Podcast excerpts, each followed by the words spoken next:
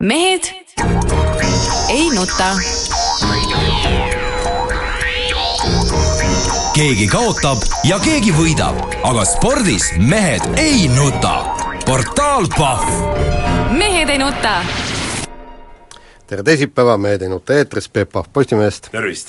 Tarmo Paju Delfist, tervist! Jaan Martinson Delfist, Eesti Päevalehest ja igalt poolt ja nippa-nappa jõudsime siia, Peebul on sõnum eh, tont ei no autojuhtidele. mul on kõik nendele, kes te praegu seal roolis ukerdate, et, et kui te ikka ei suuda nagu sõita nagu ei ole nagu, jumala poolt ei ole seda nagu seda seda tunnetust või kätte antud, sõitke liinibussiga, ärge käkerdage tee peal ees, või, või teine variant, pange ta normaalsed rehvid alla, noh. kui te ei suuda nagu, nagu paigalt võtta või ei suuda nagu pidurdada või ma ei tea, mida teha, noh. ei pea sõitma kahekümnega, ei pea äh, kümme sekundit koha peal seisma, enne kui liikuma hakkad, sellepärast natuke lund on maha tulnud, ei, sõita tuleb normaalselt. mõistuse piires, mitte rabistades, rahulikult, aga normaalsete kiirustega ei ole niimoodi, et, et kui tund natuke maha tuleb, ma tulen pool tundi kauem sõidan tööle kui tavaliselt, noh. see on totrus, noh, noh. et, et kui, ma ütlen, et noh, et ei, ei pea sõitma kõik inimesed otsusega, ei ole see üldse mingisugune kohustust, et noh. no aga sulle meeldib autoga sõita? ei, mulle ei meeldi seal ummikus istuda. see lisa pool ma, tundi oli ju nauding. minu iseloomu, minu iseloom on selline, et ma lähen väga närviliseks seal, kui ma pean niimoodi kahe meetri kaupa edasi liikuma ja ja, ja ütleme, see nagu ei lõppe hea, aga lõpuks, tõe lõpuks tulebki, vahest vaatad, avaldatakse kuskil Facebookis, keegi paneb mingid, vaatan Venemaa need videod, kus tullakse autost välja ja läheb mingiks mölluks, tead. vahest on nagu selline tunne, et jääd seisma, et no kurat, nüüd ma lähen küll välja, ma ei tea, ütlen või raputan seda meest natuke, mis asja, mis siin toimub, tead, noh. ma kahtlustan, et homme, homme on ütleme siis Keila ja Tallinna liinil hommikusel ajal on nagu poole vähem autosid, kõik, kõik on Peep Pahvi hirmus koju jäänud. või sõidavad, või sõidavad mööda Tallinna ringi, sõidavad mööda Tallinna ringi siin nagu Jüri kaudu. Keila-Tallinna polegi nii hullu, seal on maantee, seal saab mööda sõita normaalselt, aga linnas just, kuni linna piirini saad väga ilusti tulla, tead noh. aga nii kui linna jõudsin, see kõik see ajakadu tuligi linnatee peal sinna, noh. sest nagu maantee peal, ega siis niisuguse tee peal normaalne naastrehv, ikka sõidad seal normaalse kiirusega, seal ei muutu midagi. aga linnas on just need pühapäevasõitjad, need, kes üldse kunagi autodega maantee peal ei käi, nad seal linnas kökerdavad, nendega on see probleem. Peep, tuleb lihtsalt elukohta paremini valida, et sealt Aruküla suunast tulles pole mingit probleemi, Laagna tee täiesti vaba Kadrioru vahelt, sealt kõik on korras. ei ole vaja ronida sinna. ma kuulsin küll raadiost, et kõik suunad olid kinni. ei kogenud midagi sellist, ei täna ega eile. nii kuule, aitab liikluses. küll no, siia kas... teele sõita, töö või siia raadiosse sõita. minu arust saates peaaegu hiljaks, ma juba hakkasin oma peas äh, mõtlema, kuidas me saadet täna üksi teeme. no sa oled unistanud alati, et saaks monoloogi jah, pidada. et ma mõtlesin, mul tõesti võimalik pidada tund aega rääkida, rääkida ja lahatasin Jaan Martinsoni personaalküsimusi ja kõiki asju. jah, nagu Savisaar istud seal. jah linnapea tunnis. on, on teil poliitikast ka midagi öelda, noh ma ta-, tervitan siin meie kuulsat keskerakondlasi tahaks tervitada. ei, ma, oota, oota, luba, ma tervitan esmalt ikkagi meie kuulsat peaministrit, kes järsku leidis idee, et viis tükki lausa. vii-, viis tükki, et, et kuidas kuidas seda riiki edasi viia, kuigi noh no, väitma, et tema midagi... on ikka see liider, kelle puudumisest siin äh, räägiti ja kirjutati, eks ole. et ta tuli välja loosungitega, see on võimas mees. ja, ja mulle just meeldib oh, esime-... Taavi, sa oled üllas, nii hoolitsev, aus ja hea, eks ole. Ja, ja kusjuures mulle meeldis ikkagi see idee number üks, et kaitsevõime parandamine, ma arvan, et meil tuleb tankivägi, lennuvägi, raketivägi, kõik, kõik merevägi ka väike vihje Taavile, vihje Taavile, ma olen PVO vägede mees. ma võin, see on, see on see õhutõrjeväed, et ma võin seal raketivärki siin õhu poole siin juhtida küll. ja kui ma, ma olen sideväelane, svjasist, et ma annan sulle info kätte ja sina te, täidad. aga Keskerakondast et Taavi, muretse neid telefone, meil Nõukogude armees olid niisugused, niisugused kassid pidid väntama, väntasid ja siis teine mees toru otsas tõrises ja rääkis, et siis Jaan saab mulle selle, anda nagu teada, teada, kuhu, kuhu rakette siis nagu, nagu suunata. rindeteateid ja., jah aga Keskerakondast oli ka tervitused, ega siis väikse väikse mingi ühe kisma pärast ei maksa siis nagu edaspidi napsutamist lõpetada, kui lähete seminarile. ja olgem ausad, kui Siret Kotkas on ikkagi ütleme, Siret, Siret Kotka on ju ikkagi noh, kena naisterahvas, ikka tema pärast läheb natuke nahistamiseks, kui on vägijooki ka tarvitud, eks ole, meeled on nagu erksad. näitab, et no, on terves elus jõus meesterahvad. terve mees ja tahan seda kõike saada, eks ole, nagu öeldakse nojah, okei okay,, räägime nüüd spordist ka ja räägime Tour de Ski'st. No kõik oli ennustatav. see, et norralased võidavad ja see, et meie omad väga ei võida. ei, mul oli väike mure kogu aeg viimasel etapil, kui ma vaatasin seda lõputõusu Karel Tammjärve pärast, et ta jääb oma sellest äh, autojuhikohast ilma, sest et Poltraan oli ammu juba üleval, tahtis hakata koju sõitma seal, aga Sohver Tammjärv noh, ei, ei jõudnud ega jõudnud kuidagi üles, eks ole, tead noh, et, et ma kardan, et ta nüüd nagu vallandati. ma ei ole küll saanud talle helistada ja uurida seda, aga aga noh, see, see mure oli küll ütleme niimoodi, et, et see viimane ja lõputõus, et, et see tänavu oli ikka seda küllaltki igav vaadata, et seal eriti mitte mingeid sündmusi ei olnud, eriti naiste seas, noh meeste seas tõesti vaatasid seda Poltoranini siiski liidervahetust. No noh, see oli ju kõik, kõik ette teada, et see liider vahetub ja, ja Therese Jo-, Johaug võtab oma, aga, aga mulle tegelikult ikkagi meeldis, meeldis see, et Poltoranini etteaste üldse seal Tour de Ski'l, etapivõit kokkuvõttes, mis ta siis oli nüüd, ne-, neljas-viies. Ja enne seda, enne seda oli nagu väike kahtlus, et, et võib-olla tõesti Mati Alaver nagu ei, ei tunne enam seda asja ja, ja ei vii seda Poltoranini sedavõrd edasi. ja, ja nende koostöö katkeb, aga nüüd mulle tundub, et, et äh, Poltoraninil on ilusasti hoog sisse saadud ja, ja sealt võib tõesti tulla veel tulevikus midagi kaunist. huvitav kombel, ma küll ei taha seda tunnistada, aga ilmselt seda sõitu vaadates mul tekkisid Jaan Martinsoniga sarnased mõtted üldse tuuri ajal, et et, et ma olen ka mõelnud, olin mõelnud korduvalt ja oleme siin rääkinud ka, et võib-olla Alaveri aeg on ümber ja ja noh, et asjad ei tule, aga aga minu arust see tuur näitas selgelt ära, et ikkagi meie suusatajate kehvad tulemused ei ole tingitud mitte Mati Alaveri või, või Andrus Veerpalu treeningute, ma ei tea, mingist valest süsteemist või valest ülesehitusest, valest treeneri filosoofiast, vaid ikka meestest endist. sest kui Poltaranen ikkagi suudab sõita ikka absoluutses tipus, noh, seal võita etappe või võidelda selle esikolmiku koha eest, siis järelikult äh, asjad nagu ikkagi toimivad nii ka, nagu neid asju tehakse.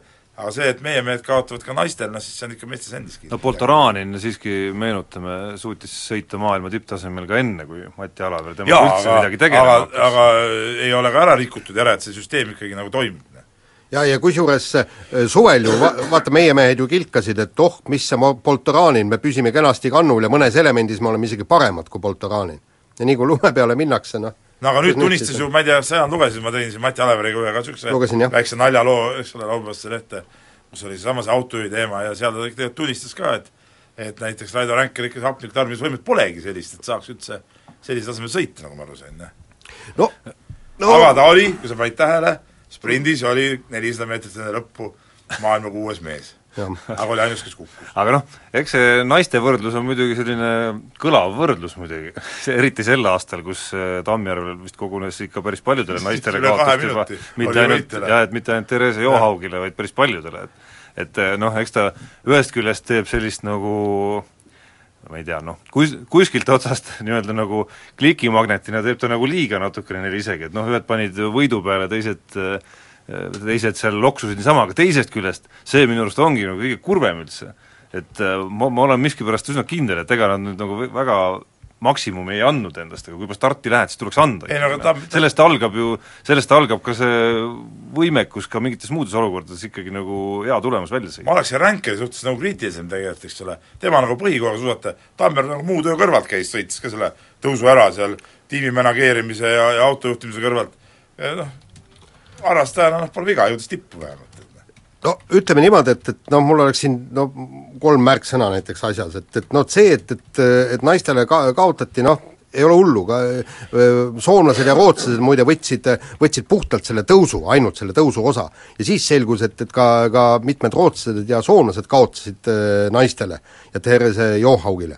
nii, aga küsimus ei ole eriti selles, küsimus on selles, et meie mehed olid kaks kõige viimast. kogu selle kamba kaks kõige ja viimast ja selgelt kõi-, kõige viimast. et see, see on nüüd esimene märksõna. ja teine märksõna on see, et, et kui äh, meie hea kolleeg Õhtulehest kirjutas äh, kommentaare, et noh, et ei ole hullu, et ka meie jooksjad äh, paljud kaotavad naistele, siis ma ütleksin, et need jooksjad, kes naistele kaotavad, nad ei ole profisportlased ja nad ei ole Eesti parimad kergejõustiklased. Tammjärv ja Ränkel on Eesti Nad selles parimad ei, nad võivad olla oma oma- aladel oma alal parimad nad on küll parimad, lihtsalt nad on maailma tipptasemest väga Nad kaugel. ei ole professionaalsed Ei, sportlased. ja nad on maailma tipptasemest nii kaugel, et ega me üldiselt nende tegemisi kunagi ei Aga- kajasta ka. aga mind rohkem tuuril meie meeste sõite vaadates häiris hoopis see eh, viieteist kilomeetri klassika ühistart, ühistardist teadupärast nagu noh, ka ütleme, natuke nõrgem mees oled, sa suudad ikkagi nagu selles grupis niimoodi loksuda ja, ja olla seal nagu mängus sees, eks ole. Aga seal kaotasid meie mehed ikka väga palju ju. just. ja see, kui sa ei suuda ühistardis olla nagu üldse nagu selles mängus sees, vot see on nagu minu arust veel hullem näitaja kui see, et sa seal okei okay,, selle tõusu peal, seal võib-olla Tammjärv on niisugune suurem, raskem mees ka, tal võib-olla ongi raske seda võtta, kui sellel täpsusel naisel võib-olla, eks ole. aga see, et sa seal tavadistantsil ei suuda üldse sõita, see on see põhinäitaja jah, ja ma isiklikult arvan, et Tammjärvel ja Ränkelil on tõesti nüüd praegu tõsine mõtlemise koht, mida edasi teha, kuidas edasi teha. Et no sel tasemel ja nii jätkata, ma leian, et asjal ei ole mõtet. nii, aga nüüd teeme vahepeal reklaamipausi. mehed ei nuta. keegi kaotab ja keegi võidab, aga spordis mehed ei nuta. portaal Pahv mehed ei nuta. Jätkame saadet, enne kiiret vahemängu siin äh, Peep aeti natukene Tarmo poolt närvi, sellepärast et Tarmo käis eile okit mängimas ja Peep ei mänginud okit. Aruküla õueväljakul. jaa, ei, õueväljakul on tore. kas seal on ka board'id või? on. aa, siis kui ma saaks tulla ükskord, siis ma tahaks, tahaks, mu eesmärk on sõita siin board'i kinni. ja teadupärast ma olin selles osav kunagi. Ja no sulle juba otsa vaadates võib aimata, et seda osavust sinus leidub. jah. no põhimõtteliselt kas sul mõni mäng läks mööda nii, et, et sa ei saanud kaheminutilist karistust? no mõni üksik oli, aga need olid pigem erandid kui reeglid. jah. aga ma siiski ei unusta kunagi seda, kui juba hoki peale jutt läks, et kunagi, kui me spordiajakirjanike äh, ringiga hakkasime trenni tegema ja meie esimene mäng oli naiste vastu, Eesti naismängijate vastu, siis pigem olid nemad ikkagi need, kes seal ütleme siis karvaseid ja sulelisi oma suuvärgiga lennutama hakkasid seal olid jah, ja Peebu, Peebugi suunas lendas seal, lendas seal esimeste hulgas. no põhimõtteliselt vä-, värava ees mida ma ei hakka ikka, kordama siin eetris. värava ees ikka küünarnukk välkus ja, ja hokikepi otsaga maskid ees, ega me näinud ka, kes see täpselt oli ja kes seal mida ütles. ja minu meelest sinu toimetuse üks neiu oli minu toimetuse kolleeg Mariel Gregor muuseas mängis ka seal naistevõistkonnas. et, et noh, ei no Oki on ikka kõva. Okist on meil pärast juttu ka kirjade rubriigis korra, aga noh, nii. nii, nii, ja jätkame kiire vahemänguga ja, ja mitte midagi uut siin ilma peal ei ole, et kergejõustiku hooaeg, noh ma ei tea, kas ta ongi ametlikult või juba alanud sisehooaeg või ei ole, aga igal juhul kaks meie kergejõustiklast on juba vigastatud, et eh, kaugushüppaja Rain Kask, noh, kaheksa meetri piiri pole ületanud, aga sinna lähedale on hüpanud, teatas, et, et jätab hooaja vahele vigastuse tõttu ja siis meie ku- äh, sisehooaja. ja sisehooaja just, aga ja meie kuulus mitmevõistleja Kristjan Hausenberg äh, oli siis Balti matšil kümnevõist-, kümnevõistluses ka sai kohe vi- vigastada esimesel alal. ta oli juba, ma siin pean Jaan sind natuke parandama, ta oli juba enne tegelikult kergelt No, vigastatud ja, ja- ja vigastus lõi välja. aga mis sa nüüd imestad, kergejõustik ongi selline ala, kus vigastus tihti tuleb ette ja ja see sisehooaeg on oluline ka, et siin ütleme, võib kerge käega selle vahele jätta, sellest ei juhtu mitte midagi, sisehooaeg on lühike, sisehooaeg on üldiselt ebaoluline, see aasta pole ka EM-i, on MM, kuhu nagunii meie omad ei pääse, eriti eks ole peale, et siis ei ole ka tähtsust, see Rain Kask, kes hüppab siin talvel või ei hüppa, see on täitsa ükspuha ja see ei mõjuta mitte kuidagi tema suviseid tegemisi. Peebukene, kas sa tahad siis öelda nüüd, et et Eesti kergejõustiklased peavadki olema kogu aeg vigased? kas sa, sul on tõesti, Jaan, kas sa- Jaan, kas sul on tõesti mingid andmed, et Eesti kergejõustiklased on kuidagi nagu protsentuaalselt rohkem vigastustega No, no, siis kui ma ei tea no- no, Suurbritannia kergejõustiklased no põhimõtteliselt kas te, kas te teate mõnda tervet Eesti kergejõustiklast? no okei okay,, Gerd Kanter, vana mees, eks noh. Kes veel? teistel, teistel on kogu aeg ju mingisugused hädad. meie odaviskajad, me teised kettaid, palju sa tead äh, Suurbritannia kergejõustiklaste hädadest? no põhimõtteliselt ma näen Robert Harting on ka näe vigastatud, ta ei käinud Suurbritannias isegi, ei käinud isegi MM-il. täitsa jama noh. jah, no kui te leiate, et see on normaalne, siis Jah, me leiame, mida iganes et see on, mida iganes, noh nii, palju õnne. küll aga ei ole normaalne minu arust see, millise teemapüstituse on Jaan meile siia teiseks kiire vahemängu teemaks püsti pannud, ehk siis äh, kas Leetu mängima läinud brändis Roeli Ross on reetur, sellepärast et ta ei läinud tagasi Rakvere Tarvasse.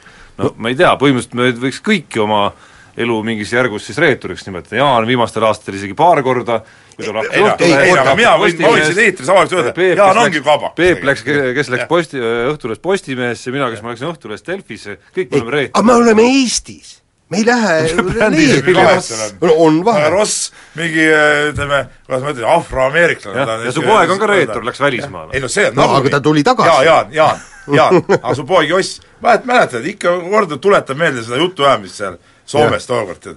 ma ütlesin, see ei ole õige värk, tead, siis sa rääkisid küll, oi, välismaale on õige minek, las läheb No muidugi on õige. No ma aga ütleks Ross isegi- läks ka keegi ei ütle, et Ross ei tule Eestisse tagasi. ma ütleks isegi Jaani jätkates. ei, aga, aga Kuule, tegelikult ma ütleks Jaani jätkates isegi, minu arust Michael Jordan ja LeBron James on kogu aeg reeturid olnud, noh. Ei no põhimõtteliselt- Eestis pole üldse Ei, mehed, noh. ei, aga tegelikult mehed, tehke selgeks, miks ei saanud Rockverel oleks tegelikult Reili Rossi öö, olnud vaja. nagu rahakott ei hakka ta peale, noh. no sa arvad, et muidugi, noh, palk, palk on selle asi. noh, no leidku. Andres Sõber, noh, ei suuda siis kuskilt välja imeda neid. No Mis ta on? et ei suutnud, noh. no nagu ta, ta, nagu ta ise räägib, et maksab viissada eurot ja, ja mehed mängivad, et no Ross viiesaja eurost muidugi ei mängi. kui su turuhind on ikka kõrgem, siis, siis nende võtetega enam ei saa kuidagi. tuleb uued Rossid leida.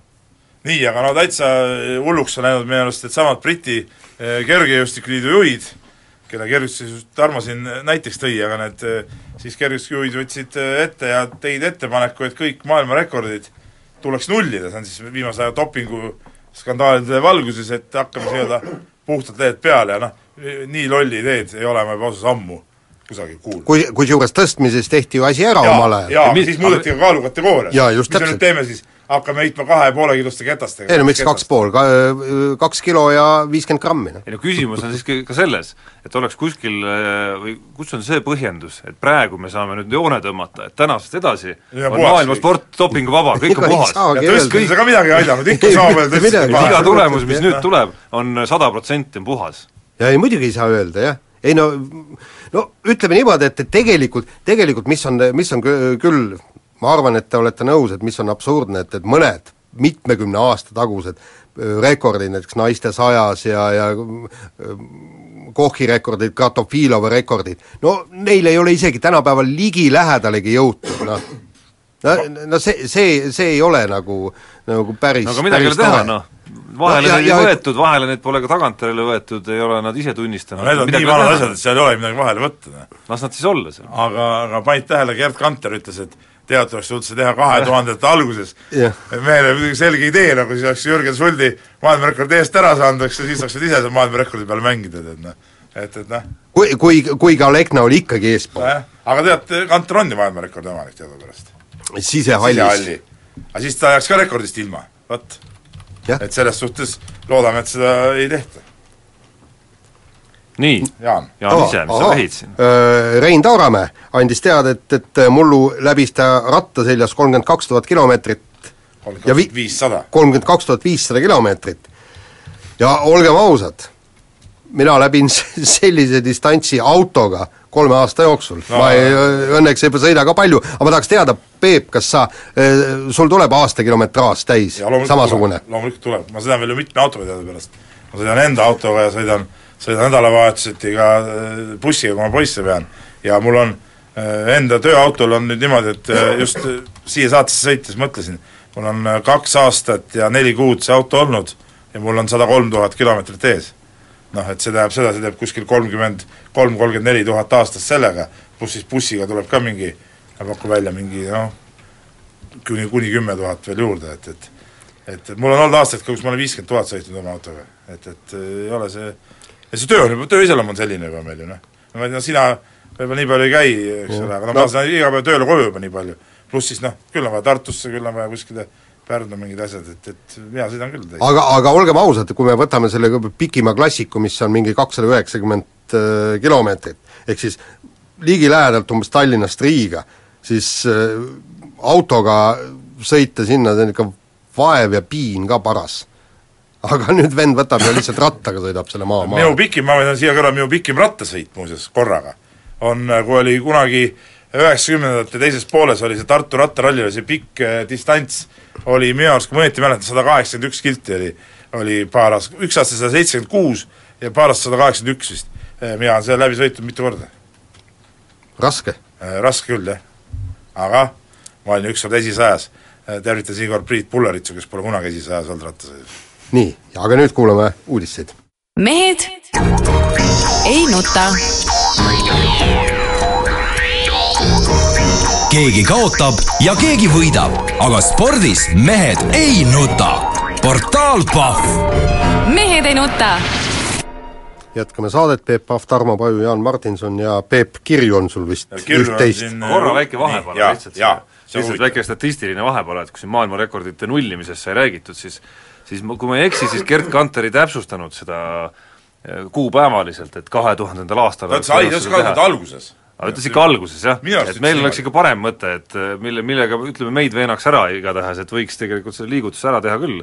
ehk et pigem võiks teha selle neljanda augusti seisuga aastal kaks tuhat, siis nulliks ära see Virgilius Alekna Kaunase sõidetud seitsekümmend kolm kaheksakümne kaheksa ja ja Gerd Kanteri seitsekümmend kolm kolmkümmend kaheksa oleks hetkel kehtiv maailmarekord. no vot, et ikka mehed teavad, kuidas neid asju sättida ja, ja ettepanekuid teha. nii, aga lähme kirjade juurde ja kirju on tõesti palju ja võtame siit kohe Jaan, sina siin, sinu personaalküsimus taas kord no jälle. lahkamisele. Margus Hunt, kas jätkab järgmise loo NFL-is? sina oled siin rääkinud, et temast tuleb selle liiga suurim, suurim staar, aga paraku ei saanud isegi play-off mängus koosseisu jaa, ei, see oli väga kurb, et ta ei saanud, aga ega ta ei oleks seal midagi te-, teha saanud, et Bengals ka-, kaotas täiesti võidetud mängu, aga kas ta jätkab, noh, ütleme veerikese peale, ega ma ei ole sugugi kindel, et ta jätkab äh, Bengalsis. sellepärast et ma, ma arvan, et äh, mõnes teises meeskonnas, kus on äh, äärekaitsjate, kaitsemängijate probleem suurem, saaks ta palju tihedamalt platsile, aga noh, olgem ausad, Bengalsi kaitse on NFL-i üks parimaid ja, ja neil on väga head äärekaitsjad, et seal on raske hundil põllale pääseda. see, Tamm Tamm tegi selle küsimuse, tähendab saatis ja ta küsis veel seda, kas hundiga oleks Bengalt suutnud võita, no ilmselt siis ei oleks no, midagi muutunud. no põhimõtteliselt ei oleks midagi muutunud, aga me, aga taaskord ma, ma olen natukene üllatunud, et, et hunti mängu ei pandud, et, et seal, seal oli, oli, oleks hundil tööd olnud küll ja veel, sest seal oli väga palju, vastased lõid löögi, löögiväravaid ja, ja teine asi on, on just see, et, et oleks pidanud vastaste mängujuhti rohkem rappima. Nad tegid seal paar niisugust andestamatut viga, mis oli treeneri va-, vale kaitseformatsiooni paigutus, et, et mina treenerina ma oleks hundi igal juhul mängu pannud. ei, mu-, ei muidugi Jaan, see on selge. jaa, ei selge jah, jah. mul, mul jäi Jaan siiski muidugi veel üks küsimus, vaadates ja lugedes seda lõpplahendust, et äh, see on üks spordiajaloo nagu ebaintelligentsemaid kaotusi. see on kõige, kõige mi-, minu silme läbi tõesti kõige ebaintelligentsem kaotus, noh ma, ma, ma tõin ma, ma tõin võrdluseks selle, et, et no näiteks, et kui, kui meeskond on, meeskond on eduseisus jalgpallis, ütleme Euroopa jalgpallis, ja viimaste vi, lisaminutitel vastaste väravaht püüab palli kinni ja siis tuleb mängija ja täiesti lampi lööb tal jalad alt ära niimoodi, et, et määratakse penalt, eks no no täpselt, täpselt samamoodi oli, et, et mehed läksid, aga aga need, need vennad on, ega nad on noh, mitu korda vanglas olnud ja ega nende mõistusega väga palju korras ei ole, lihtsalt et kaks kaitset lihtsalt käkkisid selle, see, selle mängu ära ja, ja, ja mis minu jaoks on kõige ebameeldivam, treener ja Bengalsi juhtkond hakkas veel neid õigustama. just, et see jäi mulle ka silma, et olemata üldse jälginud seda, selle alade tegemisi ja olles lugenud enam-vähem ainult sinu ja veel mõnda lugu, et siis tundub, et seal on midagi nagu süsteemsemat sassis seal satsis ikkagi, kui ei järgnenud sellele peale vist mõne kaasmängija ka erilist nagu hukkamõistu. ja, ja absoluutselt. pigem, pigem käis mingi kohtunike kirumine. ja, ja kusjuures fännid nõudsid need kaks venda satsist minema. noh, fä-, see oli fännide arvamus. nii, aga Tamm Tammil on ka teine küsimus, mis puutub korvpalli ja, ja ta küsib, et kas tasus Kalev Cramo võistkonnal ikkagi Killingsworth ja Reili Ross võistkonnast minema lasta, et äh, praegu on toimumas just sellised mängud klubil, mis oleks Jaanese korral olnud võimalik võita, aga noh, uued mehed esiteks no tagameest polegi, korvpallurne Maarja Teras ei ole, ei ole ka vormi tulnud, et tundub, et siis need mehed saavadki vormi alles kohalikeks finaalideks ja, ja ütleme, need põhimängud on, on meeskond nagu haavatud. no ütleme nii, mina näen seda küll nagu äh, klubi, klubilist möödalaskmist päris suurt ausalt öeldes. sest ei oleks tohtinud ikkagi, kui oli teada, oli ju, et see periood on turniiritabeli mõistes äh, kõige olulisem Kalevile, praegu just on need niisugused mängud, kellega saab mängida, kus saab neid võite võtta ja, ja omale neid võimalusi säilitada play-off'i pääsemiseks. ja nüüd saadakse kaotus, käiakse mingi pooliku koosseisuga mängimas. noh, see on, see on klubiline möödalaskmine. no seda oleks võinud lubada minu arust äh, ühel juhul ainult, sellisel juhul, kui need asendused on kõik olemas, varnast võtta jah. juba ja olemas, et need oleks jõudnud veel eelmise aasta lõpuseisuga veel nii-öelda sisse mängida ja, ja vormi mängida ja, ja mida iganes veel, aga aga noh, praegu üks alles tuli, pidas esimese mängu ja, ja teist ei ole veel leitudki, et et äh, mulle tundub ka, et see jaanuar, mis nagu sa ütlesid, on väga tähtis kuu, et see lähebki mööda niimoodi, et ega, ega nagu noh, oma õiget mängu mida Kalev võiks nii-öelda uues koosseisus mängima hakata, ta kindlasti mängima ei hakka, ehk siis see jääb kusagile siis Eesti liiga play-off'iks nojah, aga see ei ole, noh, see ei ole see jälle, mille pärast nagu peaks see meeskond üldse muretsema, noh et, et nende põhijõud peaks ikka minema sinna ühisliigasse, nii. aga tuleb ka järgmine kiri, tere mehed, nagu iga saade algab poliitminutiga, siis hakkab tunduma, et ka igasse saatesse mahub Jaan Martinsoni personaalküsimuse lahendamine, no see on ka õige, sest et jah, Jaan Martinsoniga seotud on nii palju personaalküsimusi, need kõik tahavadki lahendamist, aga need, nende lahendamisega me kunagi lõpuni ei jõua. Nii, aga küsimus tuleb hoopis minule, et kas ajakirjanduslik tase hakkab Eestis langema? Ning kas nii lihtne ongi olla ajakirjanik? Ja selle küsimuse järel on pandud link äh, Eesti Päevalehele, äh, see on siis esmaspäevases lehes, Jaan Martinsoni artikkel, artikkel. Alar Varrak, Kalev Cramo on lühike ja väsinud. ja noh, et, et ilmselt siis seda artiklit peeti õigustatult muidugi, langenud tasemega ajakirjanduse muster näiteks. no ütleme niimoodi, et see ei olnud nagu õige artikkel ka, see oli paras nupp on, online, online'i põhjal tehtud jah, ja paraku, paraku nii ta oli, et, et et ei olnud aega nagu tõsisemalt asja analüüsida, see on punkt üks, ja punkt kaks, ma paluks märkida, et ma ei ole korvpalliajakirjanik, ma olen kahjuks sunnitud selle alaga tegelema, ma ei tunne asja, vot see, siin ma ütlen küll välja, nagu ma ütlen, ma olen val-, valmis ja võimeline kirjutama mängureportaaže, ma ei ole võimeline kirjutama mänguanalüüse, kahjuks no siiski ma, tegelikult ma nüüd Jaani tampimata ütlen, et Jaan tegelikult ikka oskab päris hästi ka kirjutada ja täitsa normaalseid asju, vahest, kui tal nagu hoog peale tuleb, aga kas tervikuna hakkab ta-, ajakirjanduslik tase Eestis langema? Noh, spordiajakirjanduses ma ei tea, ma ei, ei ütleks, et väga palju langenud on, aga ega mingeid väga säravaid, ütleme, väga säravaid saavutusi on ka suhteliselt vähe olnud, et niisugune hoitakse niisugust suhteliselt ühtlast taset minu arust. ei tea, noh vajaks võib-olla natuke tõsisemat vaatlust, aga ma arvan, et kui võtta aasta särtsakamad või säravamad lood välja, ma ei usu, et siin on ei no lugusid on, nagu taseme, taseme langust. ütleme niimoodi Muutu, muutumine, jah, tõsi, seda küll, aga aga kas just taseme langus, sellega ma küll päris nõus ei olnud, uusi žanre on tulnud palju, vi-, videot on tulnud palju, samal ajal, mis mulle meeldib, on tulnud sellist nagu arvamusvorme rohkem viimasel ajal, just viimastel kuudel, viimasel aastal mulle tundub, et see on ka, et see on ka nagu hea tee. Noh, ma isiklikult ikkagi arvan, et, et meie spordiajakirjanduse tippaeg jäi kahe tuhandendate aastate kanti, kus kus Õhtulehel oli väga tugev toimetus ja, ja, ja ka teistel just, ja, ja, ja seal tõesti, aga põhjus oli see, et, et kõik ajakirjanikud pidid tegema pikki lugusid ja teine punkt oli see, et oli, millest kirjutada. no ei olnudki seda online'i asja nagu segamas nii palju, et praegu ikkagi mõnes mõttes see nagu sööb ikkagi neid teemasid, sööb, sööb ka ajakirjanikke, kes osad ajakirjanikud peavad ju tegema nii vahetevahel pikki lugusid, vahetevahel neid online'i valveid, noh, see paratamatult aega jääb väheks, ütleme, uudis ei ole enam ammu mingisugune uudis, eks ole, siis sai ka uudislugusid äh, välja mängida, kuidagi teistmoodi, huvitavamalt kirjutada ja, ja asju. et, et äh, selles suhtes muidugi jah, need muutused on suured. aga ma ei leia, näiteks Tarmo, sa tõid selle video välja, minu arust see videote tegemine on ka üks asi, mis viib natuke seda üldist pilti nagu allapoole tegelikult. no ta võib-olla, ta võib-olla vähendab ma ei ole näinud spordis häid videolugusid. ta võib-olla viib äh, vähemaks ja kindlasti viib vähemaks nagu pikkade lugude kirjutamist ja sellist nagu äh, vägeva kirjutamismeisterlikkusega ajakirjanike osakaalu, seda kindlasti. aga selles aga see ongi tugev selles, no ajakirjandus on siiski kõik muu, et noh, no vot, vot see on, on see online'i äh, meelne mees, aga mina ei pea ausalt öeldes ajakirjanduseks seda, neid äh, Delfis ja Postimehes ilmuvaid äh, ütleme ka spordis, ütleme neid ilmuvaid uudisnuppusid, see ei ole ajakirjandus, see on tehniline töö. loomulikult, samamoodi noh, ei saa öelda, et väga suured šedöövrid oleks ma ei tea, videokaamera ees tehtud matšijärgsed intervjuud, mille vahe tavalisest intervjuust on lihtsalt see, et see on liikuvas pildis, et küll aga on kindlasti ajakirjandus see, kui Ivar Jutšenko näiteks paneb kokku korraliku korvpallisaate näiteks. ei, see absoluutselt. selle kohta ütle midagi, loomulikult see on saade on saade, noh see ongi nagu suur lugu põhimõtteliselt. no just, seda ma muutumise all silmas peangi no nii, aga no lähme muuda, lähme teemade juurde. Lähme teemade juurde.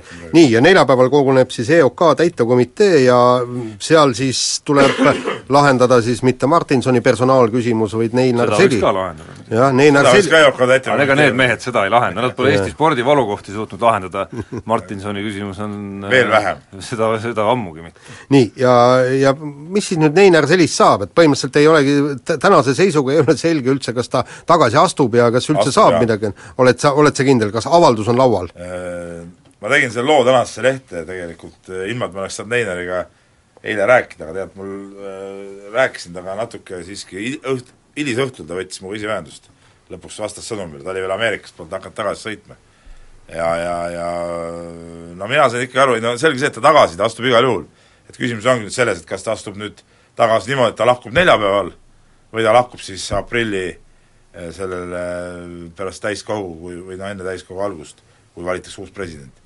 et, et eh, ma olen ausalt öeldes ka seda meelt, et mis nagu on ka mitmed inimesed, kellega ma olen rääkinud, on välja ütelnud, et minu arust oleks oleks igatepidi soliidsem see, kui, kui ta lahkuks aprillis et me, see praegune, ütleme neljapäevane kohe lahkumine, no mis see, mida see nüüd äh, rohkem või vähem annab, äh, on EOK ilma presidendita või on, on mingisugune äh, nii-öelda talverahu president seal kaks kuud ja asetäitjana seal eesotsas, no see on ka nagu mõttetu, noh.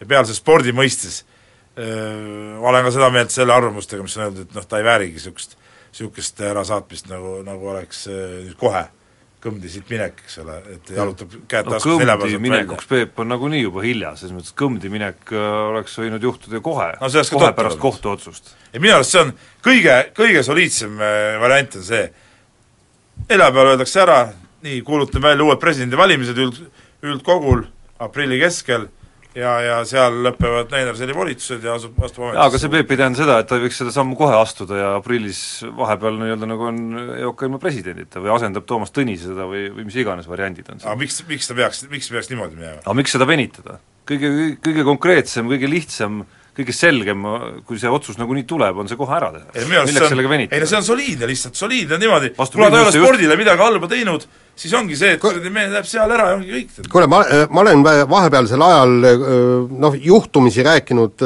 tõesti spordirahvaga ja, ja ma olen ka mitmete poliitikutega, kes on spordiga seotud, olen, olen rääkinud ja põhimõtteliselt mitte keegi neist ei tauni Neinar Seli tegevust. ei taunigi. ja, ja, ja, ja kusjuures mulle sa luge-, jah, isegi vaata sama intervjuu, mis ma tegin seal Hanno Pevkuriga, isegi Hanno Pevkur ütles ju ka, et tegelikult noh, et seal on, on, on need nüansid, et, et et see ei ole päris nii, nagu, nagu see kohtuotsus aga kus, kusjuures ja siit mul tuli niisugune mõte, et aga miks ei võiks need spordimehed võtta sirge seljaga ja öelda, et ei, Neinar Seli on aja lõpuni, oma aja lõpuni president, me leiame, et teda ei ole vaja sealt eesotsast maha võtta.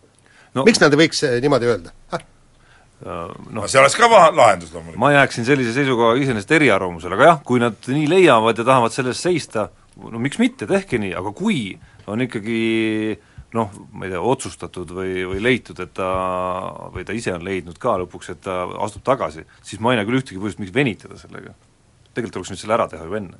ei miks, aga miks peab olema EOK ilma presidendita kuni seal vist tekivad mingid juriidilised küsimused selle aastaaruandega ka, kui, kui vahepeal presidenti ei ole vist no ei, seal tekivad mingid probleemid sellega. no ei ole asendamatuid inimesi olemas. ei, mis asendamatuid no, inimesi. et, et, et see oleks nagu soliidne korralik äraminek üks lõpetab, teine alustab. miks vahepeal tekitada tühimikku, kui mitte kedagi ei ole? ma ei näe ühtegi põhjust sellele.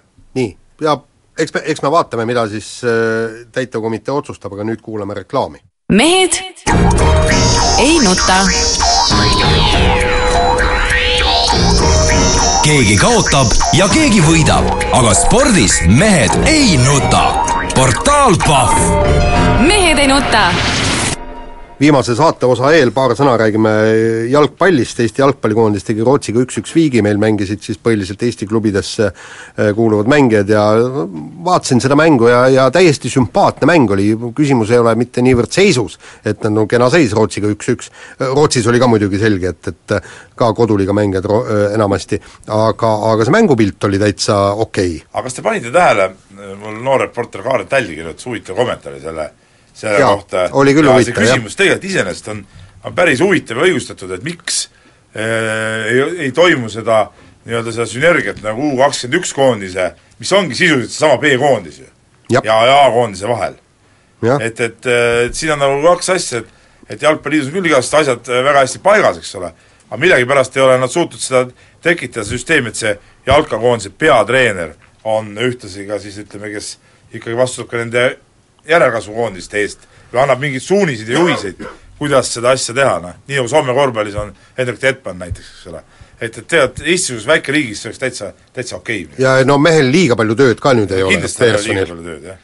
eks neid süsteeme on erinevaid, aga mis puudutab seda mängu ikkagi, siis äh, ja neid Mängu mehi, siis neid, ja neid mehi, kes seal ennast heast küljest, noori mehi, kes, kes ennast heast küljest näitasid, no hirmsasti tahaks sealt nüüd nagu lõpuks mingit tõusu näha ka põhikoondisse jah, Absoluutselt. põhikoondis ongi juba nendest- aga päris palju uusi ei- vendi on tekkinud põhikoondisse muuseas. ja ausalt Madu, kes ma nüüd ei ole igapäevane Eesti jalgpalli jälgija nii väga, mõned nimed on täitsa niisugused, keda ma isegi ei oska praegu ütelda. jah. et No. on tekkinud küll päris palju uusi, uusi vendi sinna. jaa, aga minu arust nad ei ole sealt päris nagu noh, ma ütlen nagu päris noormängijad, sellised nagu vanuses seal kuskil noh, need nagu need käidid või seitsmeteistkümnesed, üheksateistkümnesed, sellised no aga need on ikka erandid ju, Tarmo, need on ikka erandid, kui meil on üks-kaks niisugust venda, siis sellest nagu ju ka piisab iseenesest. Nonii, ja nüüd siis äh, teine asi veel väga äh, kiirelt ka menetleda, et, et äh, ETV intervjuu oli väga kummaline meie korvpalliliidu peasekretäri Keijo Kuhiga, kes kes rääkis koondisest ja valikmängudest, mis nüüd suve lõpus hakkavad ja ütleb, et, et hakkab mehi paluma koondisse ja loodab, et kõik tulevad ja pelgas, et, et kui mõni staar ära ütleb, siis see võib tekitada nii-öelda lumepalliefekti ja ja loobuvad ka teised, et, et et noh, selles mõttes kummaline, et, et kas tõesti tuleb korvpallureid paluda, et ole hea vunts, tule nüüd siia koondisse mängima või? no aga meie, olgem ausad, meil on ju see koondise kõlbulike mängijate ring on ikka suhteliselt kitsas. ja, ja kui nüüd tõepoolest näiteks oletame, et sellest äh, põlvkonnast Talts, Kangur, Arbet, keegi neist loobub, noh, siis on nagu suhteliselt tõenäoline, et loobub ka teine ja kolmas. kui kaks tükki loobuvad, siis on selge, et kolmas loobub nagunii, eks ole. et selles suhtes ma saan nagu käia kuhi nagu sellest äh, murest saama aru. aga teisalt jälle mina olen alati seda meelt olnud, et vaatamata vanusele, kui sa oled ikka mängumees ja koondise kõlbulik, siis sa pead koondises mängima, sest see on nagu, see on nagu sinu spordimehe tee A ja O. kuigi okei okay,, sa ei saa seda raha selle eest, see on niisugune, niisugune nagu ideeline asi rohkem, aga no mingid ideed võiks ka ikka nagu olla jah, aga samas teisalt on mul väga keeruline ette heita midagi noh, eelkõige Kristjan Kangurile, et seal esimesel ju eh, nii-öelda nagu vägikäigast vedada seal Riias küll, aga aga minu arust oli mõnes mõttes ime, et ta üldse tuli näiteks mängima Eesti koondises sellel finaalturniiril, vaadates tema nagu tervislikku ajalugu ikkagi praegu. et ma arvan, et eh, kümnest mehest üheksa tema asemel noh, ütleme sarnases situatsioonis Euroopa korvpalli praegusel pildil, nagu ta on, oleks sellest ikkagi loobunud, noh me näeme, kuidas ikkagi oluliselt tervemad mehed, oluliselt tervemad oma meeskondade liidrid seal, isegi nii mõnedki minu lemmikmängijad, noh Diamantidis näiteks Kreekas, on ju, kes äh, on väga varakult selle otsuse ikkagi ära teinud, et nad koondist enam ei esinda, oma rolli mängivad seal loomulikult need süsteemid, mis äh, teevad selle nagu väga selgeks ekstra koormuseks ja võtavad võimaluse vigastust paraneda, kui sul on vigastustega tõsiseid probleeme et äh, mul oleks väga raske ette heita midagigi Kristjan Kangurile, kui ta sel suvel äh, tunnistab nüüd ikkagi, et äh, tema keha enam ei ole valmis mängima. jaa, okei okay., ma saan mõttest aru, aga küll- ma, mina ei kiida küll Diamantiidi küll- niisuguste meeste otsuseid heaks. See ma- ei ole õige. ei ole muidugi õige, aga, aga küll, küll oleks mul imelik või noh, küll ma ei vaataks nii üheselt sellele, kui tema tuules noh, ka Arbetid ja Taltsid selle otsuse kohe nagu ära teevad, kellel vähemalt teadaolevalt noh, ma ei taju, et seal oleks väga palju vigastustega probleeme, et mäletagi, millal Arbet siin viimaseti mänge vahele jättis. jah, aga, aga ikkagi minu arust koondises ikkagi peaksid alati mängima kõik parimad. kuigi ma saan aru, et see on, seda sundida keegi ei saa, aga see peaks niimoodi olema. aga no midagi ei ole teha, ega meil on eh, käes ka see hetk, kus eh, kus hakkab tunda andma see, et eh, pool meie koondisest on ikkagi kolmekümnendates juba. jaa, kahjuks ei ole. on, nüüd tuleb peale see vahepealne põlvkond, kus meil ei ole üldse eriti kedagi tulemas, nii et et see koondis jääb meil natuke kõhnaks vahepeal. aga saate lõpetuseks natukene ennustuse juttu ka, et meil ei ole veel uue aasta selline nagu päris ennustuse formaat veel päris selgelt paigas, teeme nii-öelda vahepalana lihtsalt siin oma, oma eelmise saate jätkuna väikest sellist eh, prognoosi kolme vahel hääletuse kujul, et mis uuel nädalal juhtuma hakkab, justkui eelinfona ka, mis sel nädalal toimub. küsimus, kas Kalev Rock saavad kätte ühe võidu mängudest siis Jenissei ja Nimburki vastu? no muidu, muidugi ei saa, Ei muidugi ei saa. muidugi ei saa, noh. no siis on kaks-null juba käes, noh, vahet pole, mis ma ütlen. noh, noh, Teine küsimus, suusasprinterid saavad punkti MK-etapil? põhimõtteliselt saavad, sellepärast distantsisõitjad sinna sp- sprindietapile kohale ei tule ja, ja selle, sellega on noh, seltskond nagu väiksem ja, ja ma arvan, et isegi see ei aita neid. ma arvan ka, et ei, nii et kaks Pessimistid olete, pessimistid ja kas olete. Jürgen Zopp saab Australian Openil põhiturniirile? no ma väga loodan, et saab, ma kardan, et ei saa, aga ütlen, et saab. ja ma ütlen ka, et saab, sest ta on tore mees. ütlen, et ei saa kahjuks, aga kaks-üks häältega ta siiski saab. nii, sellega on palju meie õnne, Jürgen Zopp! Jah, sellega on meie saade läbi ja kuulake meid nädala pärast. mehed ei nuta. keegi kaotab ja keegi võidab, aga spordis mehed ei nuta. portaal Pahv mehed ei nuta